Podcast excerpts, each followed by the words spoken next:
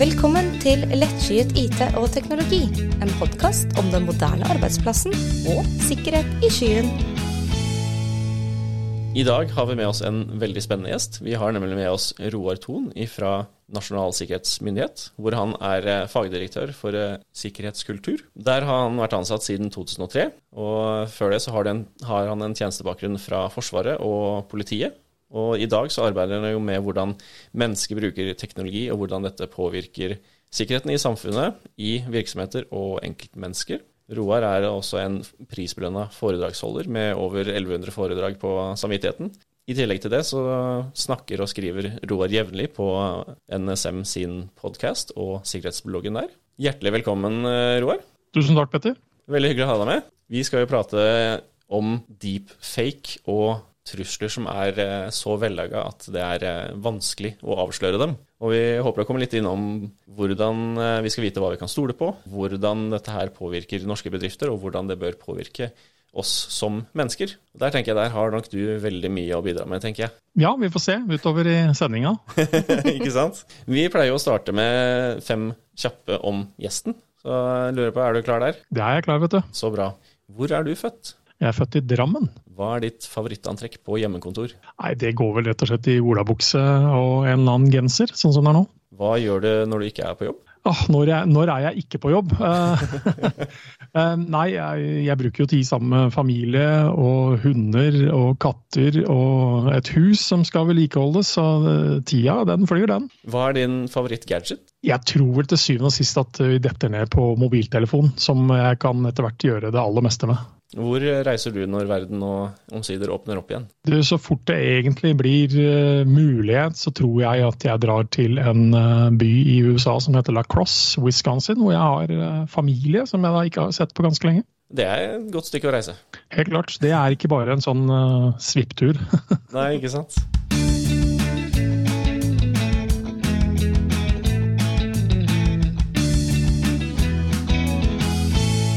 Nei, som sagt, altså skal vi prate om eh, et begrep som kanskje ikke er eh, veldig innarbeida eh, blant den jevne nordmann, men det som kalles deepfake. Men også litt hvordan det påvirker bedrifter og mennesker, og hva det gjør med hvordan vi tenker sikkerhet, og vi, hvordan vi kan se hvem vi kan stole på og ikke. Jeg lurer på, Roar, Kunne du starta litt med å forklare hva deepfake egentlig er? Ja, Bakenfor det vi ser, så er det bruken av det man kaller kunstig intelligens, rett og slett datakraft. Hvor man, bruker, man, får en datamaskin til å analysere store mengder med bilder, video og lyd, som gjør datamaskinen i stand til å imitere en person. Veldig ofte som en video, Eh, slik at det rett og slett ser og hører ut som den reelle personen. Teknologien den pusher jo hele tida grenser for hva som, hva som, er mulig, da, og hva, slags, eh, hva vi ser på som realitet, egentlig.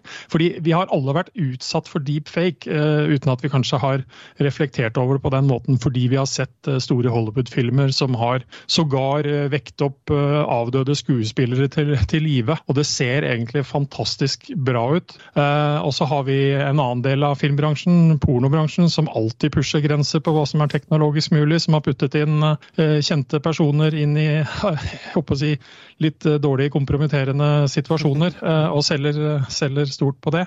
Så det er som all teknologi. Dette kan brukes til noe som man kan se på som positivt, f.eks. av en Hollywood-film, og det kan brukes til noe som er negativt, rett og slett, og brukes til å lure oss til å tro at vi hører en eh, politiker si noe en politiker aldri har sagt, f.eks., som gjør at vi reagerer på ja, vår måte. Det er jo litt skummelt når man ikke lenger kan stole på det man ser. Tidligere så var det jo sånn at et bilde, det var sannheten, men så fikk man jo bilderedigering og manipulering. og men nå er jo da video og lyd, ikke minst, der også. Så det er jo blitt mer tilgjengelig for oss, rett og slett. Og, og, i det så tror jeg faktisk det ligger noe som er positivt òg, fordi tidligere så krevdes det ekstreme datakrefter for å kunne gjøre dette her.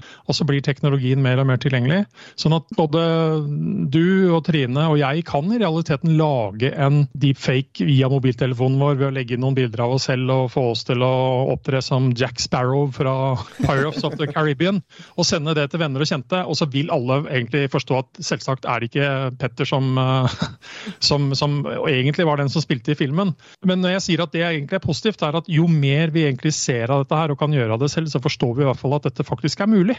Vi forstår at det faktisk lar seg gjøre. Sånn at vi ikke går rundt og tror at den virkeligheten vi til enhver tid ser, er det som faktisk er virkelig. Da. Veldig godt poeng, egentlig. Det at man, man tror kanskje ikke at det er eh, mulig å lage så gode etterligninger før man faktisk ser det selv. Jeg må innrømme at på min Twitter-feed så dukker det jevnlig opp noe reklame for forskjellige typer apper. Og en av de som har dukka opp mye i det siste, er jo en som lar deg ta et bilde f.eks. av en en kongelig, eller hva det skal være, så kan du legge på en, eh, en video med noe animasjon, og så lager den da animasjon ut av det bildet. Jeg må si at jeg skvatt jo faktisk litt første gang jeg så det, for at jøss, det her var jækla bra.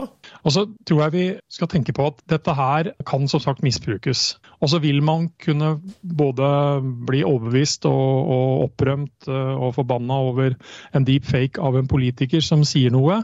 Og så vil man i en sånn setting egentlig kunne få ganske mye oppmerksomhet gjennom media, og man vil til syvende og sist kanskje greie å motbevise at dette selvsagt, dette er en deep fake. Det har ikke skjedd. Men jeg er faktisk mer bekymra overfor der hvor vi som helt vanlige innbyggere utsettes for deepfake. F.eks. at Trine da, plutselig ble dritforbanna på meg, og så lager hun en deepfake av meg eh, hvor jeg gjør et eller annet galt på kontoret, og, og, sender den til eventuelt alle våre felles venner og bekjente på Facebook. Mm. Jeg vil faktisk som enkeltindivid slite betydelig mer med å få alle rundt meg til å forstå at dette her er falskt, det har aldri skjedd. Eh, for jeg vil aldri få den medieoppmerksomheten og den hjelpen til å avklare hva som er hva.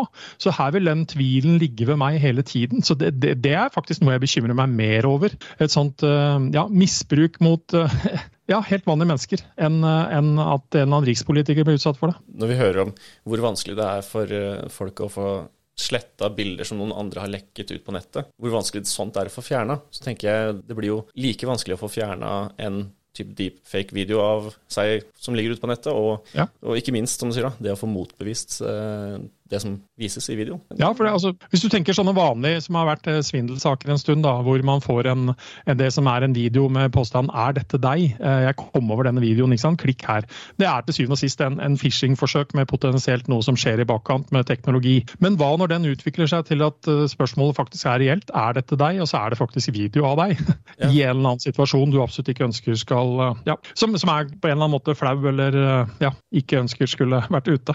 Og som ikke er reell heller. Du du kjenner mye til hva som skjer i bedrifter og sånt, men ser man allerede i dag at det er eh, personer eller bedrifter som, som blir svindla via sånne her type videoer eller deepfakes? Ja, altså vi har eh, Det finnes noen eksempler jeg vet fra, fra bl.a. USA, hvor man har blitt utsatt for det man kaller CO-svindel eh, gjennom dette her. Og da har man da brukt audio, altså falsk lyd, ikke video, eh, for å overbevise om at eh, det, er, det, er, sjefen som snakker, for å si det sånn, da, for å gjennomføre en eller annen overføring og så tror jeg vi også skal ta med oss inn et veldig viktig perspektiv, er at teknologien er nok enda ikke kommet så langt at det å, det å skulle drive deepfake i real time, dvs. Si at, altså at eh, jeg sitter og holder en samtale med deg nå, og svarer på alle tenkelige spørsmål på en fornuftig måte, og ser ut som en helt annen person, høres ut som en helt annen person, der er ikke 100% for å si det sånn. Så det går veldig ofte på forhåndsinnspilte ting som gjør at jeg sier sånn og sånn.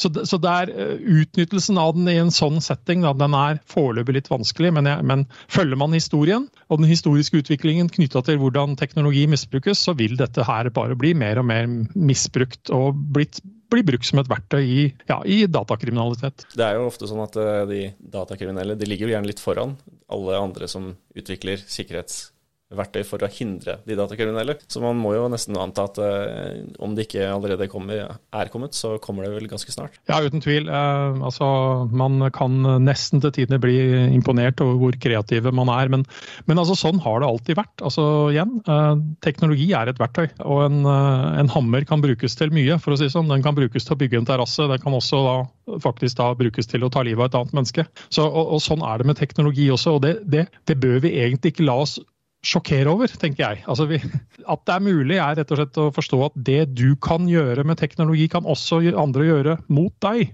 Mm. Altså Hvis jeg kan slå av lyset i stua mi via mobiltelefonen min, så ligger det implisitt i den situasjonen at noen andre også potensielt kan gjøre det dersom de kommer inn og får kontroll. Ja, Det er et veldig godt poeng. og Man må jo også ha i bakhodet at den jevnlige datakriminelle gjerne har bedre kompetanse enn den jevne person. Ja, uten tvil. I hvert fall oss som brukere. Så jeg er ikke teknolog sjøl, og jeg sier at en av de aller største tabbene vi, egentlig både vi som teknologer og sikkerhetsfolk til tider gjør, er å tro at alle andre har den samme kompetansen, eh, den samme interessen for det man snakker om. Så jeg, jeg blir ofte litt sånn lei meg når jeg hører man liksom egentlig bare river av seg en lang setning med masse fremmedord og sier at er bare å gjøre sånn, sånn, sånn og sånn, så er dette veldig greit. Nei, det er ikke det for folk flest. Det er jo egentlig nettopp derfor vi også har denne podkasten. For å kunne snakke om det på en forståelig måte. For vi også opplever jo fra kunder og uh, andre at man skjønner ikke helt uh, alle disse uttrykkene,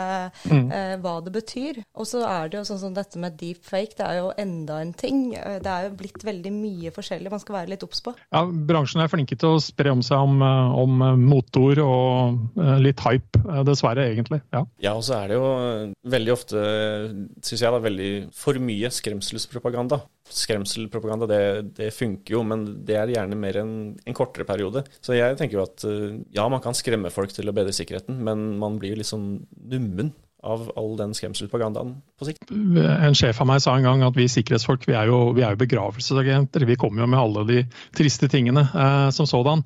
Og bransjen har jo også brukt skremselspropaganda veldig mye til å til en viss grad få oppmerksomhet. Og det har kanskje fungert på et visst tidspunkt, men så er vi kommet dit nå, mener jeg, at nå begynner faktisk både toppledere og ledere i seg sjøl osv. å bry seg om dette her. Og hvis du da får 15 minutter med din egen konsernledelse for å snakke om sikkerhet, så er det ikke noe vits i å bruke tid tida på å snakke om alt som kan gå til helvete, for å si det sånn. Da må du faktisk bruke den tida til å snakke om hva som faktisk er løsningene for å møte alle de altså digitale truslene og risikoene som er. Og der tror jeg ikke man egentlig som sikkerhetsbransje fullt og helt uh, har tatt den enda. Uh, altså det, er, det, er, på tide å slutte, om, uh, slutte å snakke om alle, alt det forferdelige som kan skje, og heller komme med løsningene for å forhindre at det skjer. Det er et veldig godt poeng der. Altså. Litt tilbake til akkurat det her med deepfake, som Eh, vi var inne på Det blir jo ofte, eller blir promotert til vanlige mennesker som eh, et morsomt verktøy for å lage noen videosnutter og ha det litt gøy. Men du har eh, altså et sitat fra deg i Finansavisen. Alt som gjør det vanskeligere for oss å verifisere hvem vi faktisk kommuniserer med, bør tas på alvor. Så hvordan kan vi som eh, personer bli sikrere på hvem det faktisk er vi kommuniserer med? Ja, Det er jo egentlig et av de aller største utfordringene mener jeg, i sikkerhetsbransjen. Det med rett og slett identitetskontroll. Altså hvem logger seg på? Altså, og ikke bare hvem, men hvem er det egentlig? Hvem kommuniserer du egentlig med?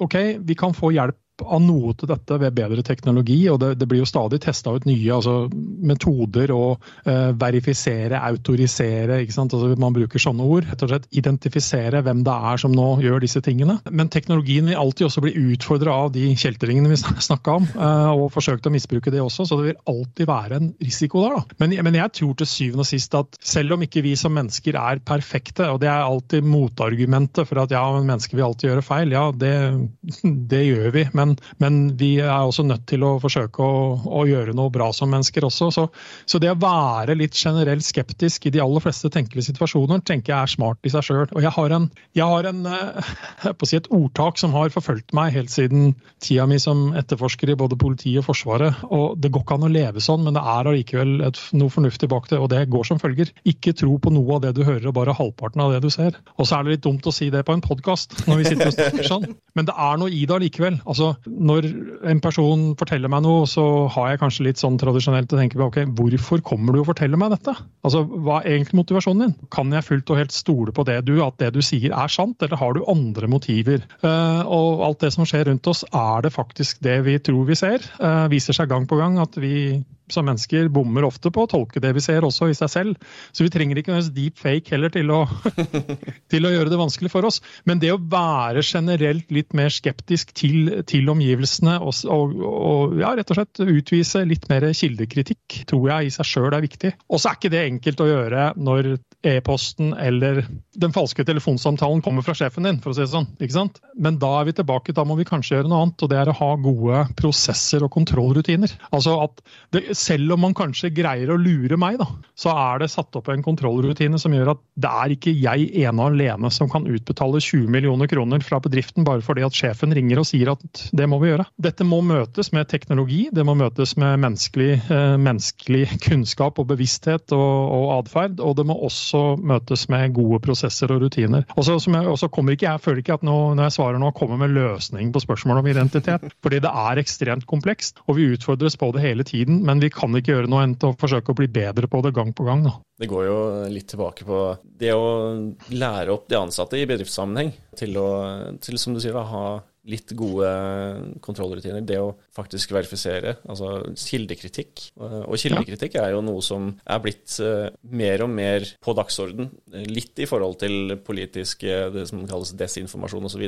Men det er jo veldig nyttig at man lærer i en tidlig alder, syns jeg, at man skal være litt kritisk til det man leser og det man får inn av input fra alle kilder, egentlig. Ja, eh, og så syns jeg det er noe, nærmest noe søtt når man da noen er kritiske til eh, jeg, de vanlige offisielle kildene og sier at man må tenke selv og bruker enda mer tvilsomme kilder til å argumentere for sin egen sak. Så det, vi er liksom, ja, eh, her er det Dette er kanskje en av de aller største utfordringene vi står overfor som håper jeg, både demokrati og samfunn framover, faktisk. Hva, hva ender vi opp med å kunne stole på? Jeg har jo tre små gutter hjemme sjøl. Den ene er jo i tenåra nå. Og der kommer det jo stadig sånn Å, jeg leste at det og det og det skal skje. Han har ikke den samme skepsisen som det kanskje jeg har. Jeg er kanskje litt i overkant skeptisk, men jeg rynker jo litt på nesa og sier hva er kilden? Det har jo ikke nødvendigvis eh, I hvert fall ikke de som ikke er så livserfarne, skal man si.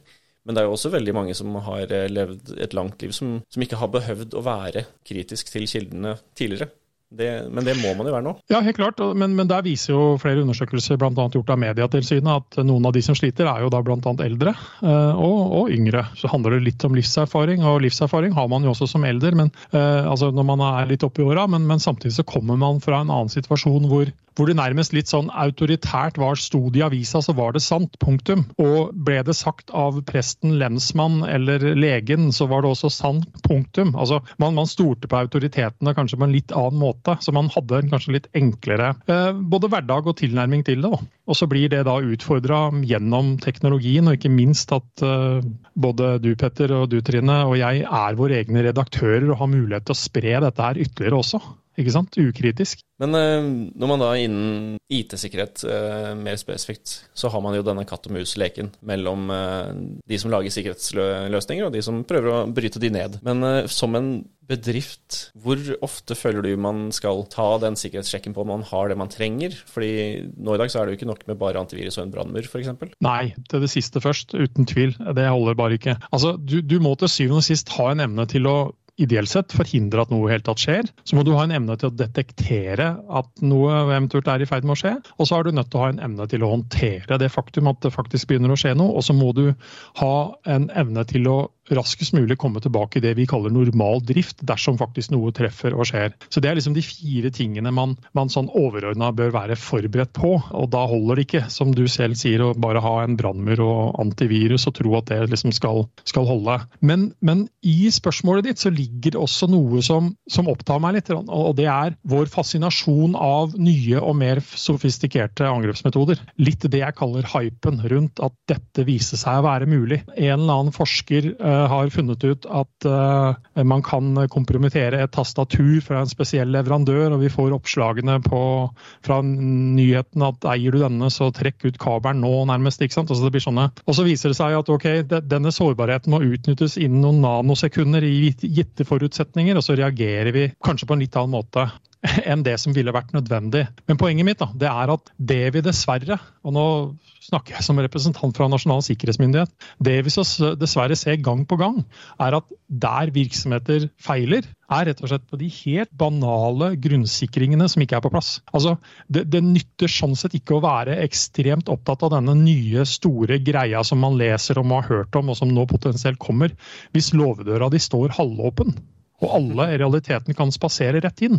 Mm. Så du er nødt til å ha en god grunnsikring. Altså, det nytter ikke å være bekymra overfor eh, APT, som det er altså Advanced Persistent Threat, med nasjonale kapasiteter og, og, enorme ressurser, at de skal komme og ta deg. Hvis du ikke engang er i stanse en 16 års gammel uh, hacker fra gutte- eller jenterommet ved et eller annet sted i Fredrikstad. Altså, altså du, er, du, er, nødt til å starte i bånn. Og du er nødt til å bygge opp dette her med en god grunnsikring. Og så må du eventuelt se på hvor langt du skal gå og bruke ressursene dine for å stå imot enhver tenkelig ting. Og så er det, ikke, er det ikke sånn at dette er likt for alle. For det er forskjell på å drive altså det er forskjell på å hete Kongsberg Defense og Aerospace på Kongsberg og drive i den bransjen de driver, kontra det å drive en blomsterbutikk på hjørnet. Men alle trenger datasikkerhet. ikke sant? Men de, må, de skal og verken skal eller må bruke de samme ressursene. Altså, Kongsberg kan ikke ligge seg på samme investeringsbudsjettet til blomsterbutikken, eh, men heller ikke det motsatte. Så du er nødt til å forstå landskapet du befinner deg i, og, og, hva som kan ramme deg. og Det er der du ideelt sett må legge inn eh, ressursene. Det er jo ganske mange små bedrifter også som har den tankegangen at eh, det skjer ikke oss. Ja, og det, og, og det, er kanskje også et av de fortsatt store, litt sånn store uløste greiene. fordi vi er alle sammen et digitalt mål, uansett om vi vil eller ikke. Vi er det som enkeltindivider, og vi er det som virksomheter, uansett hvor store eller små vi er. Og ikke minst uansett hvor vi befinner oss i landet og hvilken bransje vi er i. Fordi det er så lett å glemme at, eller forstå også, at veldig mye av det som skjer digitalt i dag, av det vi kan kalle dataangrep og hacking og alle disse begrepene, det skjer rett og slett helt tilfeldig, fordi det viste seg å være mulig der og da.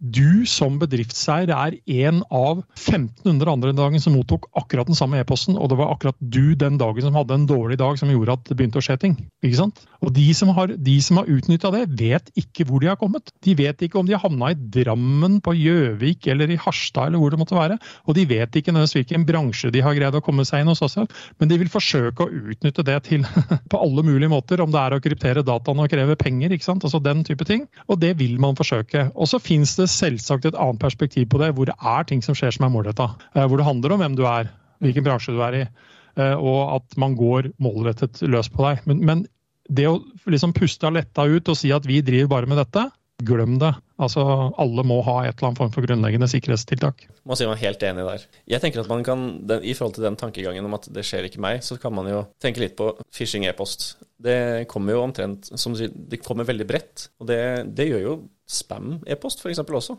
Det kommer jo til alle. Ja. Det er ikke så veldig stor forskjell for en angriper og det å sende ut spam og det å sende ut en phishing-e-post. Det er ikke så veldig stor forskjell på det. Man går bredt ut og håper at noen går på. Altså, til syvende og sist er jo mye av, mye av phishingen er jo same shit new wrapping. Altså er, man har bare bytta ut merkevaren man nå forsøker å misbruke. Og det er ofte merkevarer som, som man også egentlig allerede har, har, høy grad av tillit til. Da, ikke sant? Sånn at vi, vi antar med en gang, fordi det, ser, det er banken vår, så er, da er alt greit. Sånn litt sånn kjapt tenkt. Eh, og så er det ikke nødvendigvis eh, banken vår. Det er ikke det, igjen, det er ikke det vi ser så, som dette faktisk er. Så her er det, her er det rett og slett uh, mye å å, tenke på. Men, men, hver gang jeg ser disse tingene gjenta seg, så er det sånn OK. Men da, man, da sender man fortsatt ut denne greia her på at det er en pakke i posten og den står fast og du må betale 27 kroner for å, for å få den videre, liksom. Så lenge de gjør det, så, så, så, funker det. ikke sant? Altså De tjener nok penger på at det lønner seg, og så koster det ikke mye å sende en e-post i seg selv. da. Men, men, eh, men, men, å forstå at uh, så lenge vi ser disse tingene, så er det faktisk fortsatt lønnsomt for de som står bak. Det er egentlig et veldig godt poeng, det med at uh, så lenge du, du, det fortsatt skjer, så det er jo en grunn til det. Det er jo som du sier, at de tjener penger på det. Jeg har ikke tenkt på det på den måten før, men det, det er jo helt riktig. Når man tenker over det sjøl, så skjønner man jo at jo, selvfølgelig er det jo sånn. Ja, og så tror jeg vi skal være veldig forsiktige med å Og det syns jeg at jeg til tider leser og hører litt for mye. Noen som peker nesa, noen som er rammet av et eller annet. og Ofte så er det litt sånn hadde vi bare gjort sånn og sånn, så hadde ikke dette skjedd. Det er ikke så enkelt. Eh, og hvis vi gjør det i et sånt individnivå, hvor, hvor jeg f.eks. da skulle si at herregud, at Trine gikk på denne e-posten og ble svindla av den. Ja, men det passa akkurat den dagen for Trine, og det er en setting for henne som overhodet ikke jeg vil kjenne meg igjen i, men det, men det traff det traff henne. Fordi den ene dagen så er det Elkjøp. Eh, og det treffer kanskje meg mer enn det treffer dere to.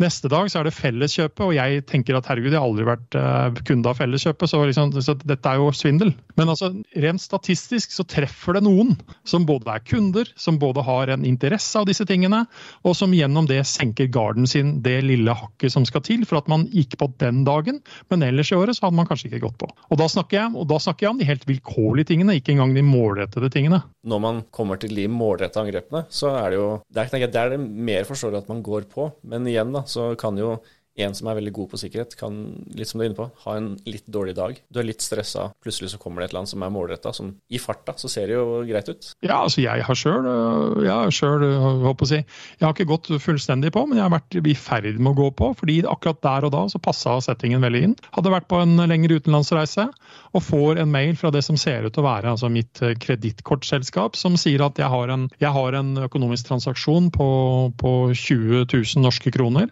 som, som, det var noe problem med. og Kunne jeg logge meg inn? ikke sant? Altså Den type ting via linken og alt mulig sånn. Og jeg har jo vært ute og reist. ikke sant? Jeg har brukt mye penger, jeg har brukt det kortet. Og, og jeg vet med meg sjøl at jeg har ikke brukt 20 000 kroner med noe, så jeg vil jo gjerne, vil jo gjerne løse opp i den. Men rett før jeg egentlig da bare kjapt skulle gjøre det, så, så stopper jeg meg sjøl litt og så tenker jeg nei, nå skal vi ta den andre veien. Og så skal jeg faktisk logge meg på på en annen måte, og så se hva som ligger der. Og, og så begynner du å skjønne at dette er jo ikke Dette er igjen tilfeldig. Det, det har jeg litt lyst til å knytte inn mot det tidligere du sa, i forhold til det at bedrifter må kunne oppdage at noe har skjedd, eller at noen er på innsiden. Fordi i dag så viser undersøkelser at en angriper er jo på innsiden av en bedrift i en betydelig tidsperiode. Og i løpet ja. av den tidsperioden så, så, lærer man jo gjerne litt mønster i eh, e-post fram og tilbake, f.eks. Hvem man snakker med når. Og da kan jo angriperen, litt sånn som i ditt tilfelle, at man, man timer det veldig godt. Ja, og så, må man også forstå at uh, selv de som driver med dette, har ikke utømmelig med ressurser. Så la oss si at de sender ut en, uh, en tilfeldig greie, da, uh, kampanje. sender ut 20 000 e-poster, og så, får de, så lykkes det bare 5% av dem. Vil allikevel være ekstremt mange bedrifter. Vil de ha rett og slett manpower nok til å sitte og liksom utnytte det umiddelbart? Nei, det vil man ikke, men man har allikevel fått det første fotfestet, som man nødvendigvis ikke gjør noe med før det har gått tre uker, og det er, det er tid til å se på akkurat den, uh, den saken hos dem. Så jeg, jeg, jeg, tror nok til tider at vi ikke fullt ut forstår det, motparten vår. At de også jobber etter helt uh, rene egentlig forretningsmessige prinsipper med alt fra kost, nytte osv. Og, og, da, og der ligger også den der fascinasjonen rundt disse avanserte metodene. Og jeg kan her og nå garantere at det fins avanserte metoder for å bryte seg inn i et system som f.eks. nasjonalstater knappest kommer til å bruke fordi det å ha den muligheten, den har så stor høy verdi at de har ikke lyst til å vise fram hva de faktisk er i stand til, før de virkelig trenger å gjøre det. For gjør de det, så kommer det vel kanskje fort fram i lyset, og så mister man den muligheten til seinere. Ja, igjen, det handler om altså, Man går den enkleste vei inn, eh, og ofte så er den enkleste veien inn rett og slett å logge seg inn. Sant? Altså, ja, men altså rett og slett ved hjelp av at vi ikke igjen greier å ha god nok grunnsikring, ved å ha dårlige passord, dårlige rett og slett rutiner, manglende oppdatering, den type ting.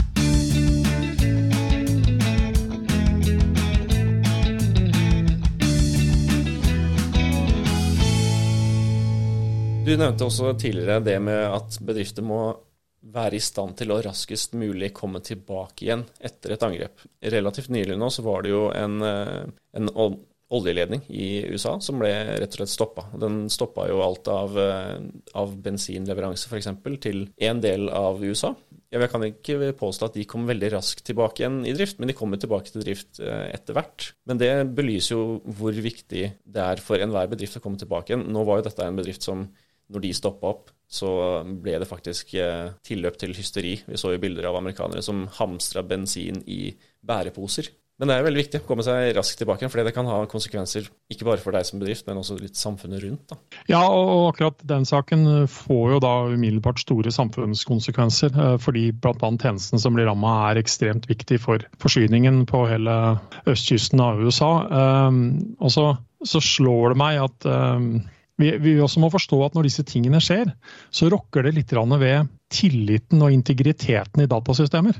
Slik at det sånn umiddelbart bare å tro at nå er alt ok, så nå går vi tilbake til normal drift, det, det er faktisk noe man skal passe seg litt for. Fordi den ene tingen eh, som skjer, trenger ikke å utelukke at det ikke har skjedd andre ting som faktisk kan være enda mer alvorlig. Altså at man skjuler seg bak å gjøre én ting og tar seg inn og ligger der for å gjøre noe mer seinere. Slik at eh, slik at det rokker egentlig litt ved tilliten til alt det man har av datautstyr i en virksomhet når disse tingene skjer. Eh, og det har eh, også betydelige kostnader, og ikke minst også kanskje påvirkning på, på når man er tilbake igjen i normal drift. Det kan jo være dyrt å ikke komme seg tilbake i drift, ikke bare for bedriften, men man kan jo se bedrifter som går konkurs. Som da får, får konsekvenser for de ansatte, f.eks., som plutselig står der uten jobb fordi man ikke har hatt god nok sikring. Ja, altså, og, og jeg, jeg, er en av de som mener at tilgjengelighet i dag er kanskje et av de aller viktigste punktene å forstå, og ikke minst også kanskje en av de tingene som man skal være flinkere til å forklare overfor bedriftseiere. Fordi det er et betydelig mer konkret regnestykke hva kostnaden er dersom du som virksomhet ikke er i stand til å levere noen ting av det du normalt leverer til dine kunder de neste to månedene. Regn på det, og tenk ut hva som rammer deg da. Det er faktisk enklere å få forståelse for et sånt regnestykke enn å snakke om hva hvis noen kommer seg inn hos deg og stjeler dine forretningshemmeligheter. Altså, det, det, er det vi har standard har snakket veldig mye om. Og det er en veldig abstrakt situasjon som kan ha enorme konsekvenser, det også. Men de merkes ikke like, like, ofte der og da. Kan faktisk føre til akkurat det samme på sikt. At du, du taper kontrakter, du taper en rekke forskjellige ting. Men, men, men det, blir, det, blir, litt mer sånn u ja, du vet ikke egentlig hva helt årsaken er, men når ingenting fungerer og skjermen er svart, så skjønner du det litt kjappere. Veldig sant. Og det, der tenker jeg at uh, vi som IT-bransje har jo et litt ansvar der for hvordan vi prater sikkerhet. Vi var jo litt inne på det tidligere om det, det at vi hadde vært veldig mye skremselspropaganda, men akkurat det du sier der om at uh, vi ikke skal si at de kommer og tar forretningshemmelighetene dine, men de stanser faktisk hele bedriften hele produksjonen din? Jeg vet at eh, det får betydelig mer oppmerksomhet fra mange nøkkelpersoner enn eh, en akkurat det med ja, potensialet at noe informasjon er borte, sier vi, og så er den ikke engang borte, for du har din egen kopi også. Så, så, det, så, så, situasjonen blir den er faktisk ganske abstrakt, hvis man tenker på det. Altså, Ja, alt fungerer, alle systemene dine oppe og går, du har fortsatt informasjonen din, men noen andre har fått tak i den også. Hva blir de langsiktige konsekvensene av det? De, de, de kan være enorme. De kan være ikke merkbare overhodet. Og det, det, er kanskje ikke det beste salgsargumentet for sikkerhet, for å si det sånn. Selv om konfidensialitet, integritet og tilgjengelighet, altså disse KIT-ordene som vi bruker, er alle ekstremt viktige ting å, å, ta med seg, og de må balanseres. Uh, men uh, jeg heier veldig sterkt på å forstå hvor viktig tilgjengelighet faktisk er. For å snakke litt om hvordan vi tenker sikkerhet for kunder her i Lillevikite. Vi er veldig glad i f.eks. betinget tilgang, som, som, lar bedrifter stille litt krav til hva slags tilgang du får, hvordan. Men Det er jo den sikkerhetsmessige biten av det, men det er jo en brukervennlig bit her også. Eh, vi liker jo å si at det er brukervennlig sikkerhet. Balansegangen her er jo viktig. Hvor tenker du at bedriften hvordan man skal gjøre, avgjøre hvor på den skalaen mellom sikkerhet og brukervennlighet man skal legge seg. Hvordan skal man gå fram for å finne riktig balanse for sin bedrift? Det, er, det, der er et ekstremt vanskelig spørsmål, for det vil være så veldig avhengig av hvem man er. Eh, altså jeg jobber jo i et miljø hvor, hvor begrepet need to know blir praktisert hver eneste dag. Det er ikke sånn at alle ansatte i NSM har tilgang på alt som er av systemer, hemmeligheter eller for den saks skyld fysiske områder osv. Dette er altså strengt regulert gjennom at har man behov for å ha tilgang på det i jobben sin, så, så, skal man også selvsagt ha det. Altså Det å gi alle administrasjonsrettigheter til et datasystem, for å si det sånn, det, jeg håper man skjønner at det, det blir fort feil. Og, og, risikoen øker også ganske betraktelig da, dersom noe skjer. Så det å greie å finne den balansen er, det er ikke lett. fordi idet du trår over da, i det du Altså, jeg må advare mot at å gi alle tilgang på alt er i seg selv problematisk. Eh, I hvert fall i sånn administrasjonsperspektiv.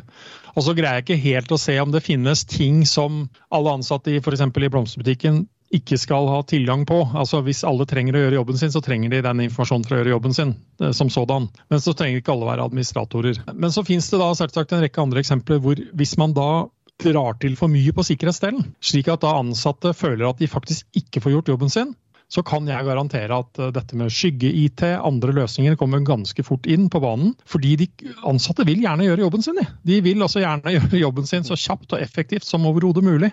Så jeg har et ordtak som jeg prøver å spre, og det er kort og godt påstanden om at sikkerhetstiltak som ingen greier å følge, gir som egentlig bare dårligere sikkerhet. Du kan altså som virksomhet ha for mye sikkerhet. Og, det å skru til på den måten og ikke faktisk teste det, og undersøke hvorfor, hvordan dette faktisk fungerer i realiteten, det er å lure seg sjøl. fordi har du skrudd det på den måten, og du har skrevet store, fine dokumenter med hva policyen er, og hva slags rutiner og regler alle skal følge, så lurer du deg fort sjøl hvis det ender opp med at man gjør noe helt annet i det praktiske. For å rett og slett få dette til å gå. Så det å teste sikkerheten, ha dialog om sikkerhet og hvorvidt dette fungerer. Og også minst også skape en forståelse hvorfor det på enkelte områder er behov for å ha og skru til.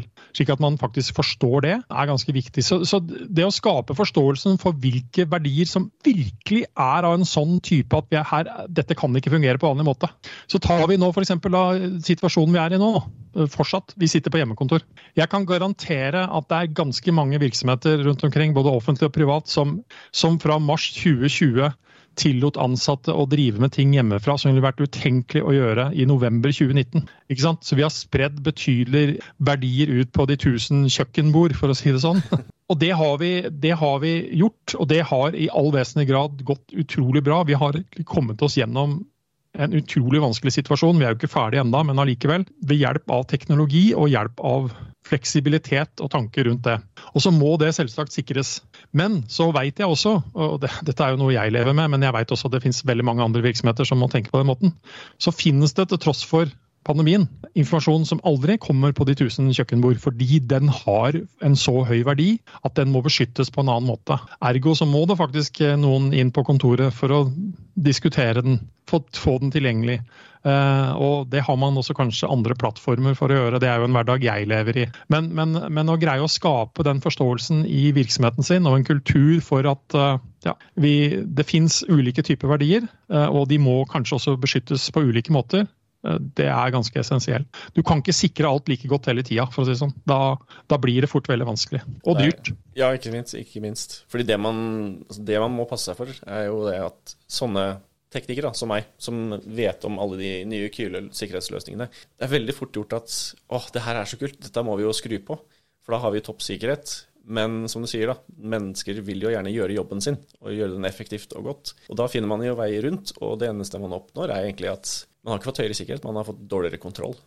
Kontroll på dataene og kontroll på alt som skjer i bedriftene, er jo essensielt i det å ha ja. sikkerhet.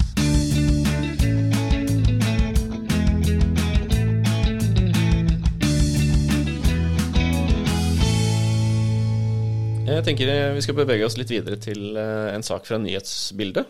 Vi har jo hørt mye rart om Stortinget og sikkerhet eh, i den senere tid. Og mm, det var en artikkel i Vårt Land her i starten av mai hvor eh, det viser seg at det er flere av de folkevalgte på Stortinget som bruker den stortings-e-posten sin til private gjøremål. Og det tror ikke jeg er uvanlig i norske bedrifter. Men i forhold til Stortinget som er mer utsatt enn andre, hvor, hvor uheldig tenker du at det er at stortingsrepresentanter bruker eh, f.eks. jobb-e-posten sin til private ting?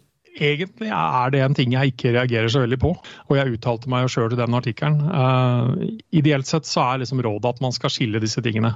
Uh, I en praktisk hverdag så er det mer eller mindre umulig. Og så syns jeg egentlig at hele problemstillingen er stilt rett og på hodet. fordi da, da, virker det nesten som om man tar utgangspunkt i at Stortingets systemer er så dårlige at du bør passe deg for å ha personlig informasjon der. Uh, altså jeg ville ha vært, ville ha vært mer bekymra dersom stortingsinformasjon ble behandla på stortingsrepresentanters ellers Google-mail og den type ting. Eh, så for meg så er det egentlig det motsatte. Og så, og, og, og så syns jeg det er et godt eksempel på det vi egentlig akkurat snakket om. At vi noen ganger kommer med sikkerhetsråd som høres veldig fint ut teoretisk, som er ekstremt vanskelig å følge praktisk. Fordi eh, Hvis jeg tar meg sjøl. Jeg er en person som før pandemien eh, reiste veldig mye. Og jeg brukte fly, tog, eh, alt mulig. Og jeg har en rekke medlemskap hos alt fra SAS, Norwegian og den type ting. Og jeg bruker altså apper til å styre det. Og så er da spørsmålet skiller jeg, Har jeg altså to apper på SAS, to apper på Norwegian? Jeg har jo ikke det. Jeg har én, den er min, altså, og den, den, bruker jeg da i en profesjonell forstand, og jeg bruker den i en, i en privat forstand. Og hvor går den informasjonen? Jo, den går på, altså en, på, en, konto som da passer meg, og det er da i all vesentlig grad den profesjonelle delen av meg som tar del av det. Så allerede der så syns jeg vi feiler litt ved å skulle tro at dette er det som kommer til å redde oss, altså. Fordi eh, ja, det å samle alle tingene på én kurv kan være problematisk, men, men, eh, men det, er, det, er, nok ikke der krisa for min del ligger. Jeg skulle heller ønske at man da var flinkere til å sikre kontoene sine eh, med gode passord og tofaktor osv., uansett om det er den profesjonelle kontoen eller er den private kontoen. Forfriskende å høre den, den, siden av saken. for jeg mener om at Det var ikke nødvendigvis den responsen jeg så for meg i den artikkelen. fordi jeg tenker nok mer som du sier at uh, herregud, man må ikke gjøre det her. Men uh, fascinerende. Altså, man må jo faktisk eh, heller tenke på sikring. Det, så det syns jeg er et veldig godt poeng, det du kommer med der. Men det å bruke jobb-e-post til private ting, det er jo noe jeg ser veldig ofte i forhold til altså Jeg er fotballtrener, sitter i FAU og sånne type ting, så har man jo veldig mange som man har bare én e-post, og det, det, er den jobb-e-posten som man har, og den bruker man til sånne type ting. Men det som jeg ser som en utfordring der, er jo for en angriper, da, hvis den da skulle få tilgang til den uh, kontoen, så har man jo både den profesjonelle siden av deg, og man kan se den private siden av deg. Vil man ikke da sånn sett i angriperne ha mer informasjon til å kunne bruke for å si, gå sånn ta deg? Jo, jo, uten tvil. Altså, jeg, og jeg er med deg på det. Og jeg, jeg er sånn sett ikke jeg vil, jeg vil, absolutt ikke anbefale folk å si at ja, men for enkelhets skyld så har jeg bare én e-postkonto, og den er jo jobben, og den passes godt nok på. Altså på den måten.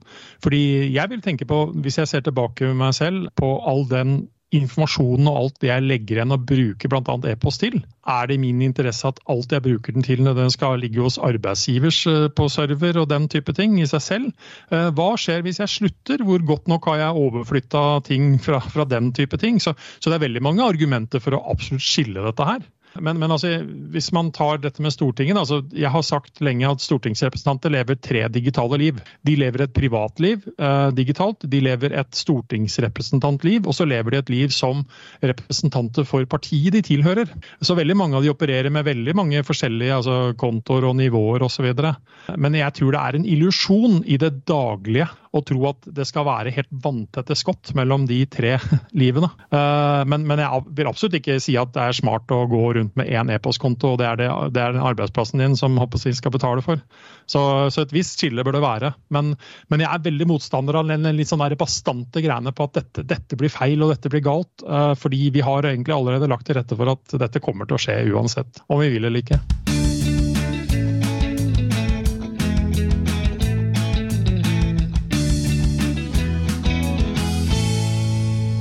Men, eh, men, bra. Det her har vært en utrolig god samtale, syns jeg. Det har vært eh, forfriskende å høre synspunktene dine når det gjelder hvordan bedrifter skal tenke sikkerhet, og hva man må tenke på. Vi, vi var ikke bare innom deepfake, vi var innom en god del rundt sikkerhet og hvordan bedrifter bør tenke. Så det var eh, utrolig, utrolig godt. Men nå er vi da kommet til den delen av programmet hvor vi kommer med noen tips til våre lyttere. Og Da er jeg litt spent Roar, på om du har med et tips til oss? Ja, og tipset er egentlig litt sånn sammensatt. Det handler om passord. Det handler om å ha gode passordrutiner. Og så innebærer det veldig mye. Men jeg syns at ordet passord i seg sjøl er et typisk eksempel hvor jeg mener at vi som sikkerhetsbransje ikke er flinke til å erkjenne det jeg sa i stad, at sikkerhetstiltak som ingen greier å følge, gir som regel bare dårligere sikkerhet. Fordi En av de tingene som vi har sagt og snakket om passord i mange år, det er at én, du skal ha unike passord. Eh, to, du skal huske dem i huet. Og tre, de skal byttes ofte. La meg starte med det siste først. Det å bytte ofte er noe som eh, både nå innenfor standardisering og andre ting har vært ute noen år. Vi skal altså ikke drive regelmessig passordbytte. Eh, det skaper bare utfordring for brukeren. Og du skal ikke, du skal ikke bytte før du i realiteten mistenker at, at passordet er kompromittert. Eh, så da er det sagt. Nummer to, det går på erkjennelsen av rådene fra, fra 20 år tilbake, som vi har bare tatt med oss. Et passord per tjeneste vi bruker. Det fungerte utrolig bra i kombinasjon med at du skulle huske det for 20 år siden, hvor vi hadde behov for ett eller to av dem. I dag så har eh, både dere to og jeg kanskje behov for mellom 80 og 90 stykker. Nå bare sier jeg et anslagsvis, og så vil jeg alltid ha en stor variasjon. Men, men vi, bruker, vi legger igjen utrolig mange brukerkontoer der som vi skal ha brukerne å passe på.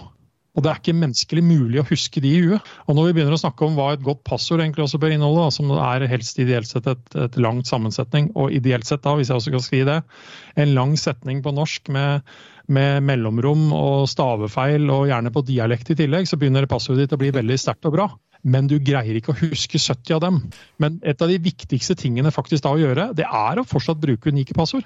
Så her kommer egentlig rådet mitt. For de aller fleste passord du har i livet ditt, Skriv de ned med penn og papir. Alternativt bruk også gjerne eh, passordmanager. Og Der er det veldig mange teknologer som sier at ja, men det er passordmanager som gjelder. og da er Min største test på det er ok, tillater bedriften din å bruke det. Har de implementert det i bedriften? Vel, har de ikke det, så så må vi kanskje tenke litt annerledes allikevel. For erfaringsmessig så har ikke alle nok kompetanse til å egentlig ta i bruk en passordmanager på på en god nok måte. Altså Kan jeg få min oppegående mor på noen og 70 til å installere og bruke den uten noe brukerhjelp? Nei, faktisk ikke. Og da, da syns jeg svaret gir seg sjøl. Old school, penn og papir. Lag deg din egen passordliste. Den, det er et verdidokument som skal beskyttes på en veldig god måte. Så du skal ikke ha det med deg i baklomma på tur til Spania, for å si det sånn. Eh, så forstå hva du gjør når du gjør det. Men sjansen for at noen bryter seg inn hjemme hos deg fysisk for å leite etter det passordorket, det er så minimal kontra risikoen når vi gjør de andre tingene som vi så fort gjør. Vi tar snarveiene, og så har vi ett passord på 20 forskjellige tjenester. Ryker ett, så ryker fort alle andre det det, det er, veldig mye å, å, si om dette. her, og Så finnes det selvsagt en del passord som vi skal passe oss for å skrive ned. For på arbeidsplassen så har vi regler og policy for at vi ikke får lov til å gjøre det, og de skal vi følge. Jeg vil også advare mot å, å skrive ned ting knytta til bank-ID osv., fordi de juridiske konsekvensene av å gjøre det er ganske alvorlige. Så, men, men, å opprettholde noen få som vi kanskje greier å huske i hodet, og resten kan vi skrive ned, eller alternativet å ta i bruk en passordmanager dersom vi er, altså har kompetanse til å gjøre det, så gjør det. Mye bedre enn å ha bare ett passord eller to passord i livet ditt. Veldig, veldig bra. Det var eh, veldig godt tips, syns jeg. Eh, kanskje litt overraskende, fordi det bryter litt mot det man tradisjonelt hører, men eh, jeg syns det var veldig bra. Går man på NSMs hjemmesider om passord, så vil man finne akkurat de tingene jeg sier nå, bare kanskje ikke argumentert på samme måte. Men, eh, ja. Så dette er ikke bare meg som sitter her og forsøker å revolusjonere passord, passordbransjen, for Nei, ikke sant. Det, det, kunne jo nesten ha vært tipset i sjøl. Og det å gå og lese litt på NSM sine sider om, om passord, f.eks. Ja, og hvis jeg skal reklamere for noe, så ligger det også noe som heter grunnprinsipper for IKT-sikkerhet der, som er en standard som jeg mener at veldig mange virksomheter har veldig mye å ta en titt på. Og det koster ikke noe å verken hente det ned eller lese det. Mitt tips til våre lyttere denne gangen er en Microsoft 365-tjeneste som kalles for Defender for Office 365. Som er eh, en tjeneste som bruker mye kunstig intelligens for å beskytte mot type phishing-angrep, f.eks. Du kan uh, legge inn der noen automatikk i forhold til at den analyserer hvem du mailer mye med, og da advarer hvis det kommer e-poster fra de du mailer mye med, men fra en annen adresse. Så kan den advare deg. Uh, og du kan også legge inn der uh, en del nøkkelpersonell med postadresser som du får en, bedriften får en ekstra beskyttelse mot, og det kan også være eksterne. Så Defender for Office Date Van var mitt tips denne uken. Men da er vi faktisk kommet ved veis ende. Det er nesten litt trist, for det her har vært en utrolig god samtale. Da vil jeg bare takke deg, Trine, for at du var med. Og ikke minst til deg, Roar. Tusen hjertelig takk for at du var med og delte av din erfaring og kompetanse. Det har vært utrolig nyttig. Bare hyggelig. Og til dere lyttere der, igjen, der ute, så har vi en e-postadresse. Den heter podcast at lit.no. Så der kan man bare sende spørsmål hvis man har det, eller si ifra hvis man har lyst til å gjeste podkasten også. Vi tar gjerne imot uh, nye gjester, sånne som eh, Roar, for det er utrolig hyggelig å prate med nesten hvem som helst om, om IT og sikkerhet. Men da takker jeg kjære lyttere for at dere var med oss, så høres vi neste gang.